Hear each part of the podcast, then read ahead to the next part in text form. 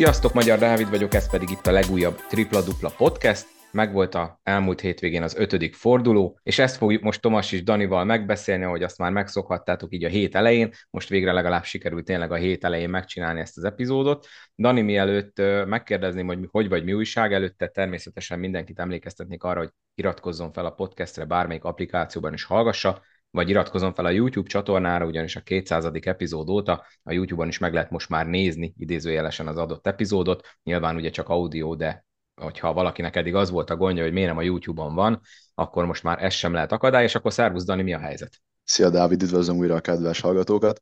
Nem volt egy túl jó hétvégén, ugyanis a csapataim két elklasszikót is buktak, ugye itt most a Körmendere és a Barcelonára gondolok.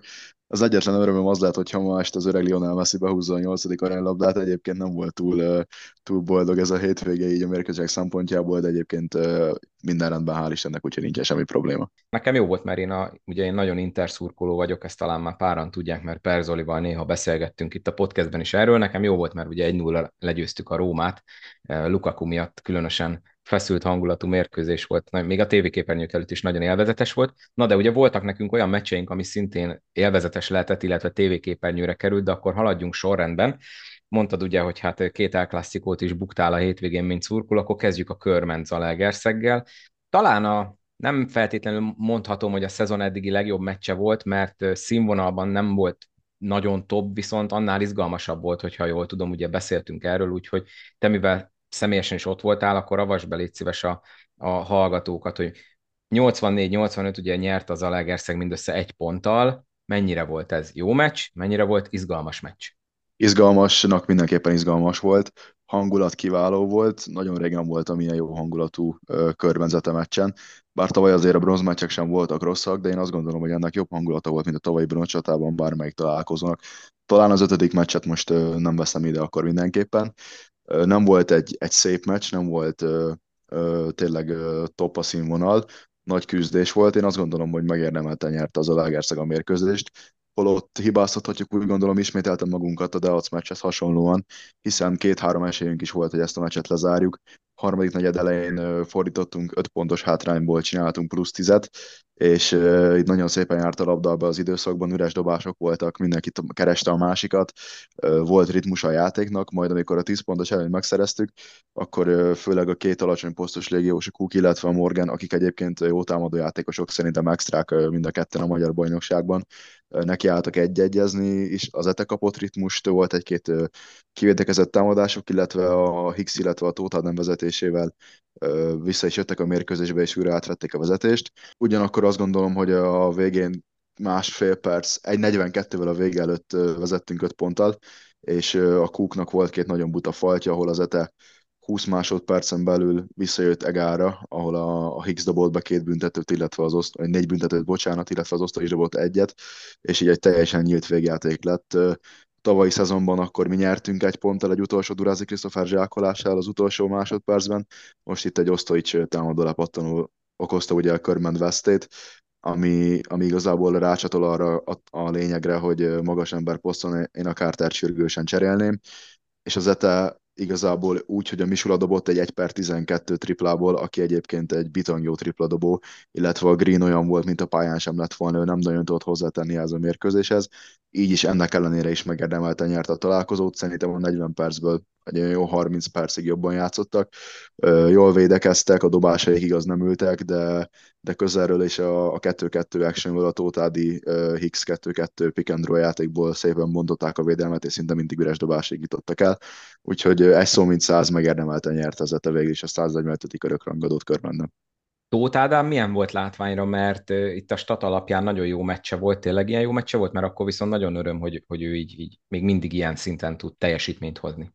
Igen, én úgy láttam tavaly, hogy ő egy kicsit uh, visszaesett az előző évek Tóth Ádámjaihoz képest, viszont idén úgy néz ki újra formában lendült, uh, dominált, igazából nem nagyon tudok más szót találni erre.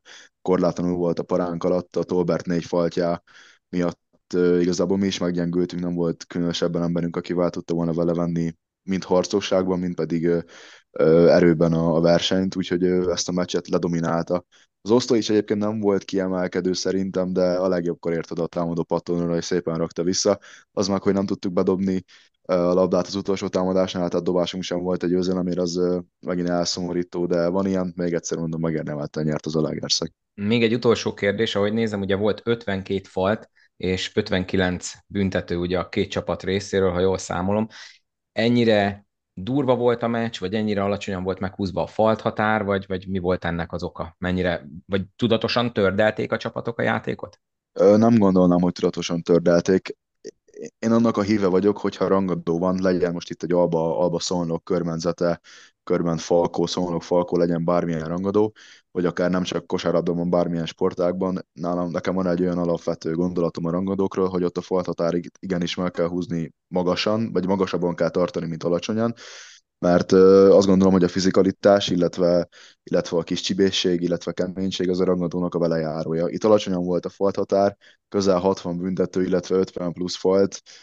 Nem tudom, voltak érdekes fújások, tévedések ide-oda, nem volt kompenzálás, ennek viszont örültem. Ha az egyik oldalon valami falt volt, a másik oldalon is, szóval nem, nem volt baj a játékvezetők tevékenységével, én egy kicsit alacsonynak találtam a faltatárt, de Nyilván felfogás kérdése, én szeretem, hogyha rangadó magasabban van a faltatár, mint egy átlagos mérkőzésen. Lényeg a lényeg, hogy ezzel az Zete megszerezte az első idegenbeli győzelmét, a körment pedig viszonylag korán elveszítette a hazai pálya veretlenségét. Se baj, lehet a következő fordulóban javítani. Másik mérkőzésünk, amit ugye sokan láthattak remélhetőleg a tévéképernyők előtt, az a Fehérvár Szolnok bántóan sima lett a vége. Ugye a múlt héten beszéltünk az olajról, hogy a sok sérült miatt a zetének igazából nem igazán volt nehéz dolga, max. egy 10 percig aggódhattak. Most sem volt sokkal jobb a helyzet, Arabó tért vissza egyedül, bár abból nem sok köszönet volt, ahogy én azt hallottam, mert én nem láttam ezt a mérkőzést, nem bírtam akkor éppen a tévéképernyő előtt ülni. De a vége az mégiscsak egy 20-as lett közte, de itt most jobban tudta tartani magát az olaj, mint egy a Legerszegen. Igen, ez egyértelmű ugye ezt írtam is neked, hogy nekem 33-34 percig nem volt semmi probléma a szolnok játékával. Küzdöttek, kapartak, becsülettel, odaértek a büntetővonalra, a triplák is azért úgy egész jó százalékkal ültek, illetve jól kompenzáltak azt, hogy igazából a Diki korlátlanul volt, úr volt a palánk alatt, és a Tomason kívül, illetve az Arabon kívül, aki tényleg nem alkotott egy maradandót, nagyon sovány volt a szónak azért a palánk alatt. A negyedik negyedben, ami igazából eldöntött a mérkőzést, az, hogy a, a Chambers, illetve a Voivod, a Dávid játéka is hatalmasat javult. Igazából ott ők ketten rendezték a partit, ennek köszönhető a 20 pontos különbség. Szerintem nem volt ennyi így a játékképe alapján a két csapat között, szóval becsületek között engem meg is lepett, főleg a Rajkovics nyilatkozata után, aki ugye meccselt azt mondta, hogy igazából ez a tipikus Mission Impossible, amit azért nem olyan jó kijelenteni, maradjunk annyiba egy ilyen rangadó előtt. De, de én azt mondom, hogy a szónok szerintem rendben volt több mint 30 percig, elfáradtak nyilván rövid rotáció, azért sok fontos játékos hiányzik, de, de az Alba sem sziporkázott szerintem ezen a mérkőzésen, én tőlük többet vártam volna, én azt gondoltam, hogy ők azért dominálni fognak, holott a második félidőben a szónak ugye még többször át is tudta venni a vezetést, de, de azzal, hogy a Voivod és a Chambers megrázta magát a negyedik negyedben, ezzel igazából lerendezték a partit, és 5-0-ra módosították ugye a mérlegüket. Igen, továbbra is ők az egyetlen veretlen csapat. Említette Drajkovicsot, ugye ezt már láttuk ezerszer, hogy ez a fordított pszichológia akár be is válhat, és akkor erre kapcsolódóan Neked mi a véleményed arról, ami ugye most itt nagy port kavart úgymond, hogy ugye a Vojvoda és a szolnoki szurkolóknak a viszonya, most nyilván nem általánosítom a szolnoki szurkolók, hanem azok, akik ugye azokat a bizonyos dolgokat kiabálták, és már most mondom, hogy a hétre be van tervezve egy podcast, amiben egy jogász per sportpszichológus per mentálkócs vendégem lesz, és akkor ennek minden aspektusát majd megpróbálom tőle kikérdezni, hogy mennyi fér ebbe bele, tehát mi az a szint, amit még el kell úgymond viselnie egy pályára lépő kosárlabda játékosnak, vagy itt akár lehetne szó bármelyik másik sport, ugye a politikusokkal kapcsolatban szokott ez lenni, hogy ugye ők, mint közszereplők többet is kell tűrniük, mint az átlagember, mert itt ugye azért nem merült ki sima mondjuk ki buzizásban, hanem itt egyéb dolgok is ugye repültek volya felé verbális formában, és ugye hát láttuk már ezt tavaly is Szolnokon, hogy ugye egyrészt, amikor Szolner ültette meg, utána ott is megkapta ugye a magáit, és ott is egymaga végzett ki minket a harmadik negyedben kb. És most is tehát valószínűleg mentálisan ezt a saját javára tudta fordítani, mert ahogy olvastam, inkább utána kapta el a fonalat, hogy volt ez a kis afféra szolnoki szurkolókkal. Pontosan ezután kapta el a fonalat. Uh, idén ez már nem az első ilyen, hogy a hazai, vagy hát az én pályámról beszéljek. Debrecenben mi is beleálltunk a Mócsánba csúnyán idén, és ugye ott is mi is abban ráfáztunk, ugye jött a fordítás végül is, és a, a Mócsáné volt az utolsó mosoly, én ennek nem vagyok a híve, főleg az, aznak a játékos nem szabad szerintem így kitenni ilyen bántalmazásnak verbálisan, aki, aki tett a klubére, és kupákat, Na jó, de várjál, várjál, nyert. hagyd szúrjam közbe, hogy ezt ugye valószínűleg sokan nem tudják, tehát azért ez nem oktalan, mert uh, nyilván ugye vannak olyan ex-játékosok, akik játszottak szolnoken, és mondjuk elmennek egy uh, rivális csapatba, de meg vannak tapsolva. Tehát azért a Dávid elvileg tett is azért, hogy így reagáljanak. Most én ezt nyilván nem tudom megerősíteni, mert nem voltam ott akkor, amikor állítólag elmondta szolnoki szurkolói körökben, még ugye mielőtt kiment Olaszországba, hogy van olyan csapat, ahova nem igazolna, és az egyik a Fehérvár, és ugye oda jött haza Olaszországból, tehát nem tudom, hogy ez így volt, de valószínűleg igen, mert elég sok ilyen olvastam már, de attól függetlenül nyilván ez nem legitimálja azt, hogy ilyen dolgokat vágjanak a fejéhez. Nyilván nem. Ugye sokszor van ilyen, sokszor sok sportágban beszélünk erről, hogy valaki ezt mondta, valaki ezt mondta. Nyilván a múlton ő nem tud változtatni, ha ezt kimondta, ez így volt, ha nem, nem. Mondjuk azt, hogy kimondta, nem tudjuk, hogy igazából ő miért döntött akkor úgy, hogy Fehérvárra indul, vagy igazol, nyilván mindenkinek megvannak a saját verziói, meg mindenki el tudja dönteni, hogy mi, lehet ott, mi lehetett ott a fő motiváció. Én azt gondolom, hogy az ilyen játékosoknál, aki ilyen szintű, mint amilyen a Vojvoda Dávid, ő ezt pontosan úgy rendezi le a fejébe, hogy akkor én most igenis megmutatom nektek azt, hogy jöhet kívülről a bántalmazás, én ezt ki tudom zárni, és a saját magam módjára válaszolok, és zárom le igazából a mérkőzést. Valahol én azt gondolom, hogy itt azért meg kell húzni a határt, a szurkolónak is, illetve a játékosnak is. A játékos szerintem semmilyen formában nem mutogathat, illetve nem jelezhet a pályáról ki a szurkolótábornak, de, de nyilván van az, a, van az a határ, amit ha átlépsz, akkor már nagyon nehéz visszafogni magad játékosként is. Nehéz erre így most választ adni. Valahol az MKOS-nek szerintem erre kell találni egy megoldást, hogy mi az a határ, ami után akár komolyabb szankció is sújthatja, sújthatja a szurkolótábort, vagy akár a játékost nem az én tisztem megítélni, de, de én sem vagyok egyébként a híve annak, amikor az én szurkolótáborom szíd egy másik játékost, egy olyat, aki játszott ugye korábban mondjuk körmenden, ennek nem vagyok a híve. Nyilván az, hogy egy rangadó hevébe elkap valakit, arra azt mondom, azt be lehet tudni annak, hogy tényleg most egy körment falkon belefér, nem azt mondom, hogy belefér, de egyszer-egyszer előfordul az ilyen. De tényleg, ahogy mondtam, egy szó, mint száz, meg kell húzni valahol a határt, és tényleg tudni kell kezelni, mint a szurkolónak, mint pedig a játékosnak a sérelmeket ez egy nagyon érdekes beszélgetés lesz, én már nagyon várom, úgyhogy erre majd ott kitérünk.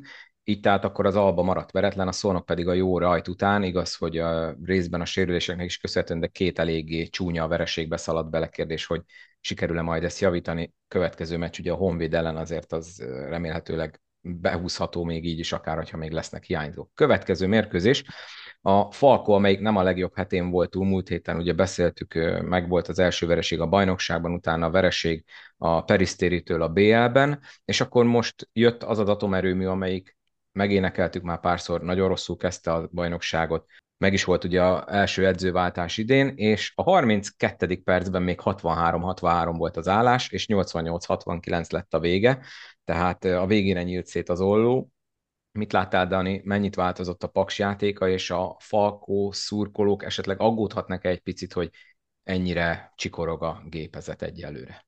Olyan, olyan hú, de hatalmas változásokat egyelőre még azért nem látni a Paks játékán, vagy én nem láttam olyan hatalmas változásokat, talán annyi, hogy a rotációk egy kicsit másabbak voltak, mint a Csirke, Csirke Feri alatt. Azt gondolom, hogy a Paksnak amúgy lett volna reális esélye ezt a mérkőzést megnyerni, hogy te is mondtad, volt 63-63 is ez a találkozó, sőt vezették is a negyedik negyed elején még Szombathelyen pedig szerintem van most egy kicsi ok az aggodalomra. Igazából... Beszúrok, beszúrok itt egy dolgot még mielőtt folytatod. Ez okay. is egy nagyon sok faltal tűzdett mérkőzés volt.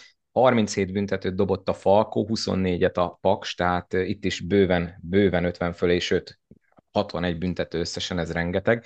És uh, ugye itt a 37-ből ugye Perzoli dobott 12-t egymaga, és ha jól néztem, akkor ebből a 12-ből talán 10 a a negyedik negyedben, tehát ott, ott azért, ha jól emlékszem, 15-ször álltak a vonalra Falkó játékosok. Ez mennyiben befolyásolta a meccs végeredményét? Szerintem nem volt olyan hatalmas rányomása ennek, a, ennek az adatnak a, igazából a mérkőzés végkimenetelére. Itt azért repültek a technikai kis bőven, Pongó, Keller, Krasovec, Kovács, itt volt négy vagy öt technikai igazából a második félidőben, és ez is, ezek is inkább mind a harmadik, negyed, második fele után érkeztek. Ami nekem aggasztó így a Perzoli játékát nézve, az, hogy szerintem annyira nem domináns idén, mint amennyire tavaly volt.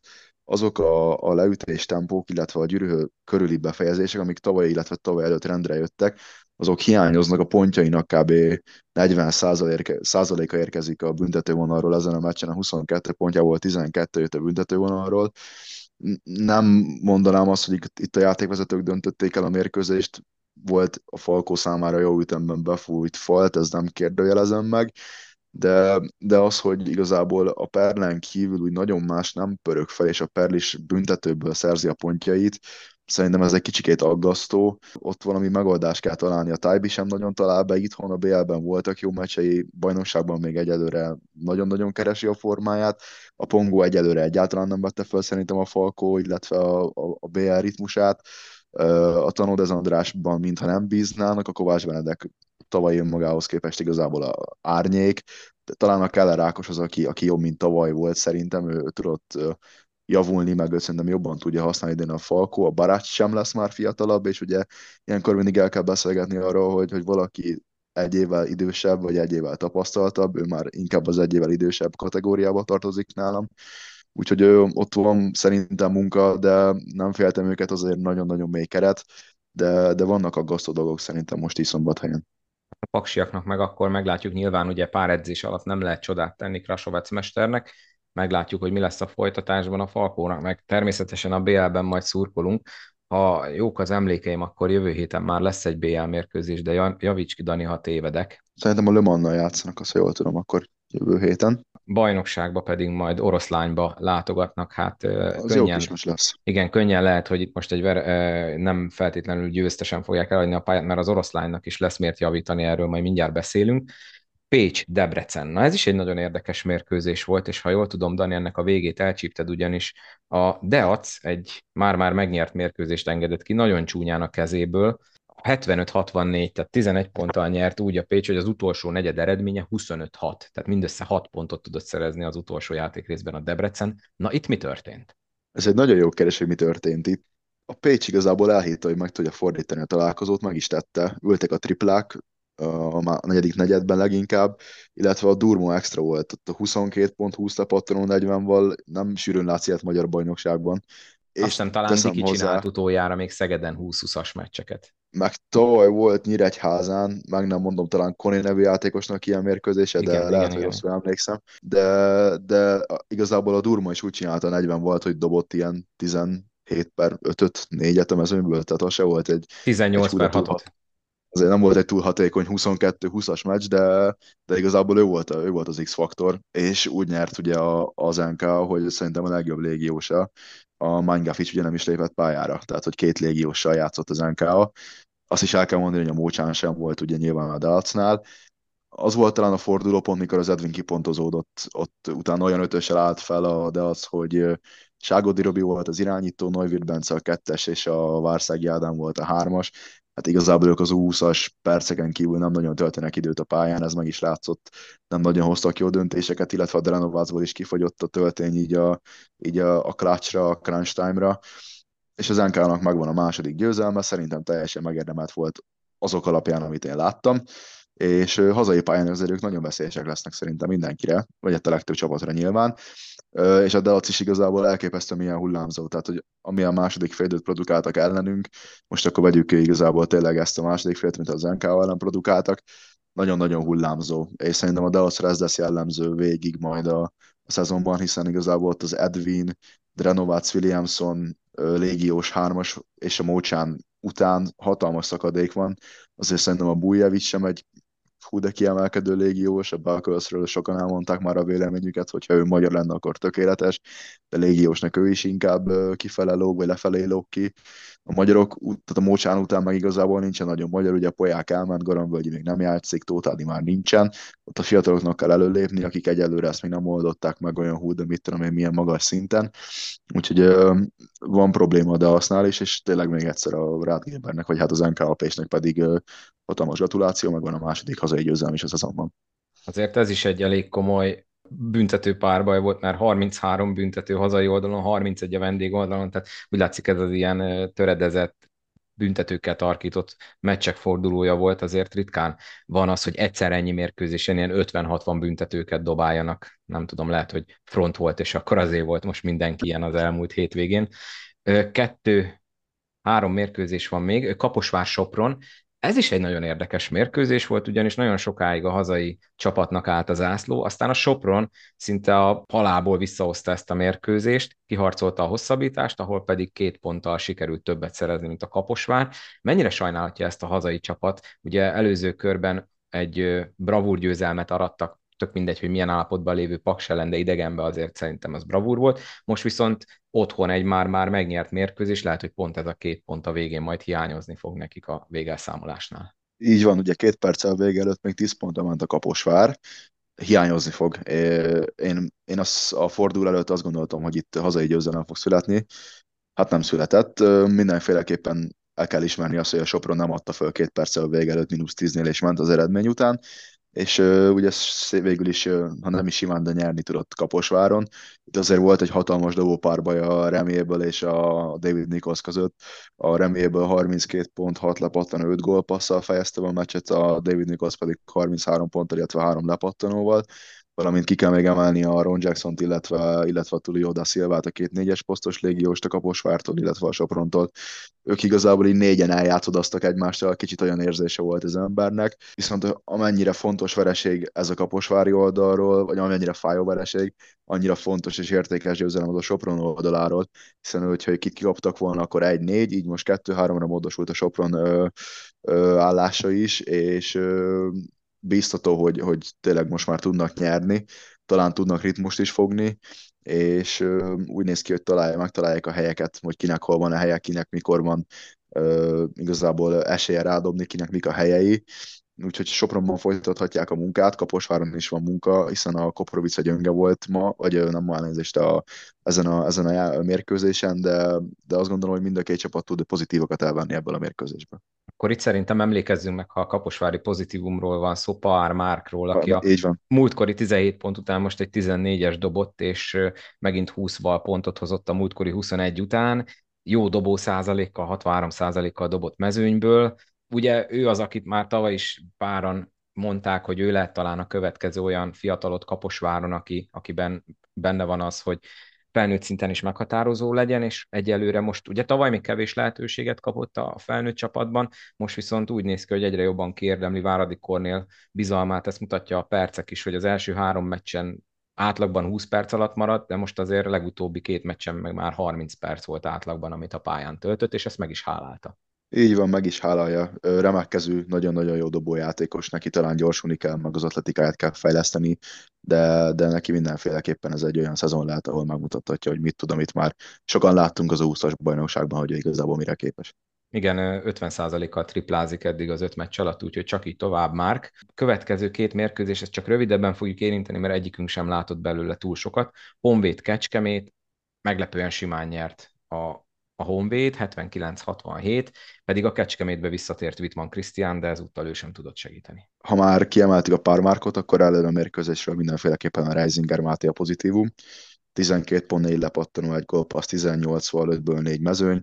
Ő berobbant, tehát hogy őről a tavaly nem sokan hallottak szerintem, talán egy vagy két meccsen lépett pályára, akkor is amikor tényleg a garbage time-ban 20-30 pontoknál. Most úgy játszik, mint hogyha, vagy az idei évben úgy kezdett, mint hogyha már tényleg két éve kb. a csoportos perceket gyűjtene. Nagyon jó védő, nagyon jó dobó, egy, egy posztjához képest magas játékos, aki amúgy szerintem tud irányítani is, de megállja a, a helyét a kettes-hármas poszton is. Hogy a Kecskemétről is beszéljek, Igazából ugye visszatért a Wittmann Krisztián, de, de a legjobb játékosuknak a boxnak nagyon rossz mérkőzése volt. Volt egy elég sportszerűtlen megmozdulása itt a végén, amikor uh, már lejárt az idő, akkor uh, felvette a labdát, zsákolt egyet és kimutogatott a szurkolóknak, ott volt is egy kisebb kakaskodás. Ez nem volt szerintem túl szerencsés egy közel 15 pontos vereségnél, de igazából a Honvéd ugye tudott újra nyerni hazai pályán, és ők is szépen építkeznek, menetelnek. A Kecskemét meg egyelőre nem olyan hú de pozitív, mint amire, amire szerintem sokan számítottak, ott, ott van munkája most a Forrai Gábornak, illetve a stábnak. Végezetül pedig Szeged oroszlány. Itt az oroszlánynak egyelőre az idegenbeli mérkőzések annyira nem akarnak összejönni, most a Szeged pedig egy másik nagy skalpot is begyűjtött a múltkori Falko elleni győzelem után. Itt igazából mit lehet elmondani, mert az oroszlány tényleg amilyen jól játszik otthon idegenbe egyelőre nem annyira megy, ott már két vereségük is van, és ez most bántóan sima volt, tehát itt, itt, itt nem volt igazából nagyon sok szansz a második félidőben már az oroszlánynak. Igen, a Szeged viszont hazai pályán egy nagyon-nagyon veszélyes csapat, és a két alacsony légiós, ahogy már sokszor beszéltünk, a Ryan Woolridge, illetve a Noah Luckról, ismételten extrát játszottak, a Woolridge a bajnokságot szinte minden kategóriában vezeti a pontszerzésen kívül, ott épp azért nem maradt találkoz az első. Lepattanozás meg ugye azért nem maradt egy James Dickey az Alba Palánki alatt.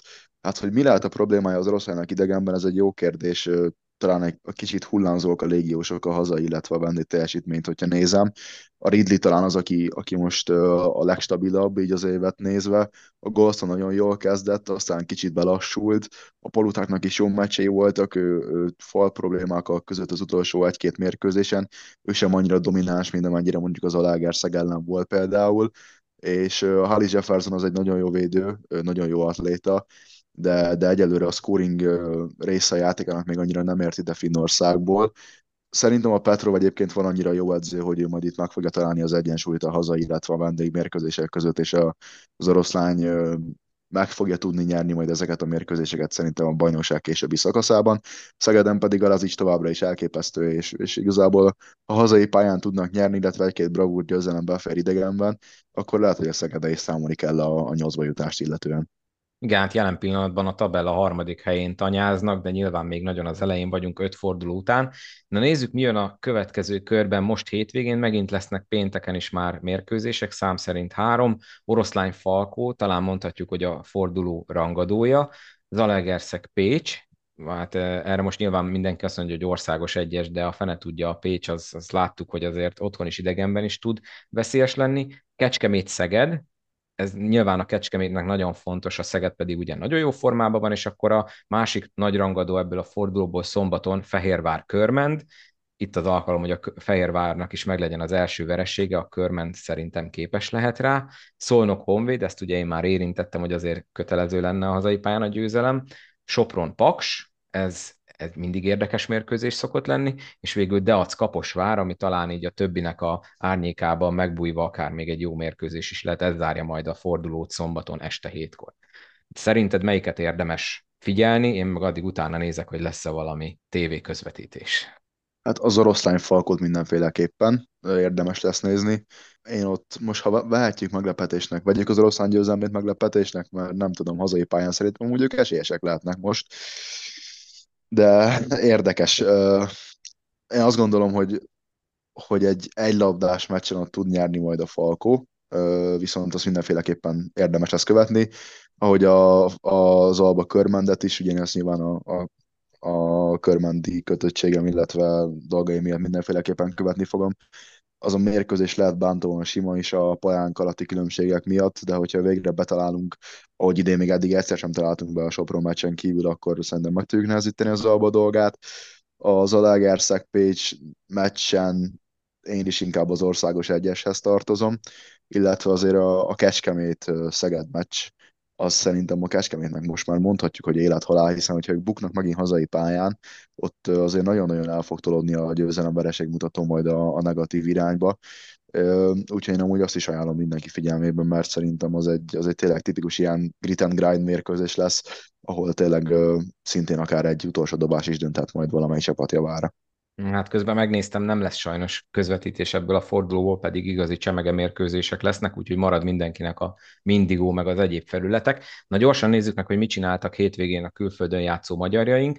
A Girona, ugye ez Golomán Gyuri csapata, 82-76-ra nyert a Murcia ellen. Gyuri kezdő volt, és Gyuri megint csak jól játszott, 21 perc alatt, dobott, ha jól számolom, 7 pontot, nem ez volt a legponterősebb meccse, de val értékben a csapat a harmadik legjobbja volt. Itt két nagyon kiemelkedő teljesítmény volt a hazáknál, úgyhogy Gyuri igazából valószínűleg nem jutott neki most olyan túl sok labda, mint máskor.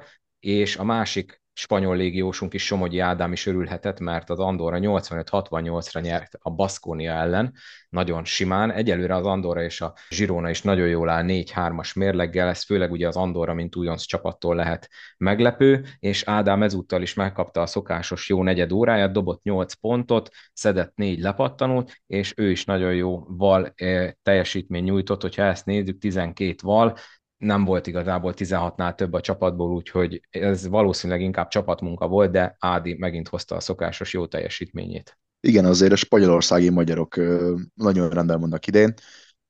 Jó számokat hoznak, mindig magas számmal dolgoznak, ami azt mutatja, hogy hatékonyak, tehát kevés hibával játszanak, amikor játszanak, és azért nem epizódisták, tehát hogy bőven megkapják a 20 perc körüli játékukat, vagy játékidejüket, és ezzel élnek is, úgyhogy ez mindenféleképpen nagy öröm, hogy, hogy Európa legerősebb bajnokságában két magyar válogatott kosaras is ilyen stabil és megbízható teljesítményt tud nyújtani.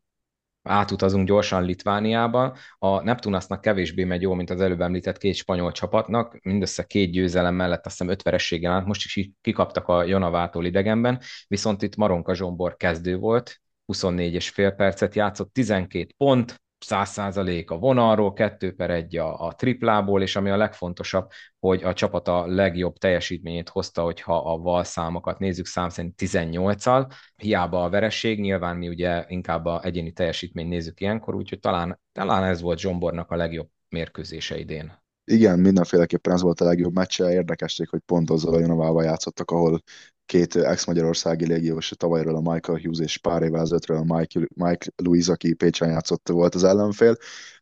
Én várom azt, hogy a Zsombor hasonló teljesítményt fog nyújtani majd a, a szezon második felében, hiszen szerintem neki most meg kell hálálni a perceket, amiket kap, de ha tud hasonló szinten játszani, akkor szerintem nem lesz probléma majd neki esetleg visszatérni majd az ACB-be például. Menjünk át gyorsan akkor Lengyelországba, ahol a Treffel Szopot és ugye Váradi Benedek, hát újabb veresség, a Treffel eléggé betyárul áll a bajnokságban, mindösszesen 2-4 a mérlege, nyilván ennél sokkal többet vártak volna, most is kikaptak a Spojniától 80-73-ra. Benedek természetesen kezdő volt, de most nem sikerült neki olyan jól, mint korábban, 6 pontot szerzett mindössze, de nyilván ő nála meg azt emeltjük, hogy ő meg eddig volt nagyon a toppon, most nyilván egy-egy gyengébb meccs becsúszhat mindenkinek. Persze, közben-közben becsúszik, nincs igazából ezzel probléma, emberek vagyunk. Azt kell értékelni, hogy tényleg kezdőjátékosként bíznak benne, kezdő irányítóként bíznak benne, és amit eddig csinált, az szerintem fantasztikus, és szerintem az is az majd a tendencia így a, a, az év hátra lévő hosszú részében. Végezetül Hanga Ádám, ugye az előző podcast felvételkor zajlott az Vezdának a előző heti egyetlen mérkőzése, akkor ugye a Partizántól sikerült nekik is 13 pontos negyedik negyedbeli előnyről kikapni. Nem jött be ilyen szempontból az edzőváltás, ugye az előző érában és Ivanovics érában is rengeteg ilyen meccset veszítettek el, hogy a utolsó negyedben akár ilyen 10 plusz pontos vezetéseket is kiadtak a kezükből. Viszont ami nagyon öröm ebben a, a vereségben, amit ugye a Partizán ellen elszenvedett az Vezda, hogy Ádi nagyon jól játszott, ezt ugye már akkor is beszéltük, hogy második legtöbb percet töltötte a pályán, és 11 pontot szerzett, ez nagyon, nagyon jó teljesítmény volt tőle, a vereségért nyilván viszont kár. Így van, kár érte, hogy a vége nem sikerült úgy, de, de az egyéni oldalról ez, ez szerintem több, mint rendben volt a Partizán ellen most a hanga részéről. Dani, ennyi fért vele a maiba. Szerintem most egész jól sáfárkodtunk az időnkkel, és mindent megbeszéltünk. Nem tudom, van-e valami, amit még én esetleg kihagytam, és érdemes beszélni róla, mert olyan történés volt a héten. Szerintem, szerintem megbeszéltünk mindent igazából, tényleg most, uh, most tényleg tudtunk magunkat tartani, mindig megbeszéljük, hogy tartjuk magunkat az időhöz, aztán sose sikerül, mert mindig közben jön valami, vagy valami mindig út közben kitalálunk, amiről érdemes beszélni, most sikerült, és szerintem uh, egy jó átfogó hát nem is elemzés, de gondolatokat el tudtunk mondani végül is a, a hétvégi fordulóról. Igen, én közben egy kicsit most egyrészt megpromóznám majd azt az epizódot, ami jön a hét második felében, ami már az említett sportpszichológia per jog, mi fér bele a verbális abúzusokba, mi nem. É, másik, amit meg kell, hogy promózzak, az a Feldobás podcast, amit ugye Zsivera Gábor és Somogyi Ádám csinál.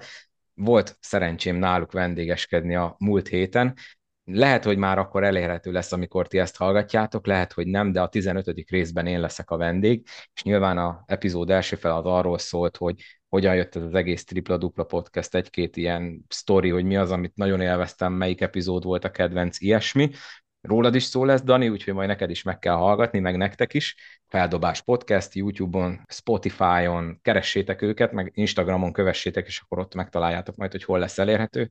Dani, akkor neked köszi szépen szokás szerint a segítséget, és akkor jó szurkolást hétvégére, aztán reméljük, hogy majd a mostanitól eltérően egy kicsit boldogabb hangvételbe számolhat be az aktuális körment rangadóról. Köszönöm, köszönöm szépen jó kívánságokat, és köszönöm ismét, hogy itt lettem, és hasonló szépeket kívánok neked, illetve minden kedves szurkolónak erre a hétvégére.